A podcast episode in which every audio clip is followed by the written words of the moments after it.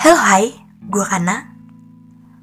Awalnya gue mau buat podcast ini sebenarnya gue mau membuat sesuatu hal yang gue suka dan salah satu hal yang gue suka itu adalah bercerita. Dan gue lihat podcast ini bisa jadi salah satu wadah untuk gue bercerita. Podcast ini bakal diisi secara monolog ataupun dialog dengan beberapa orang yang menurut gue menarik untuk gue ajak diskusi. Dan podcast ini ke depannya bakal gue update secara berkala. Kalau nggak ada kesibukan yang mendesak, bakal gue update setiap minggunya. Ya paling itu aja yang bisa gue sampein. Semoga menyenangkan.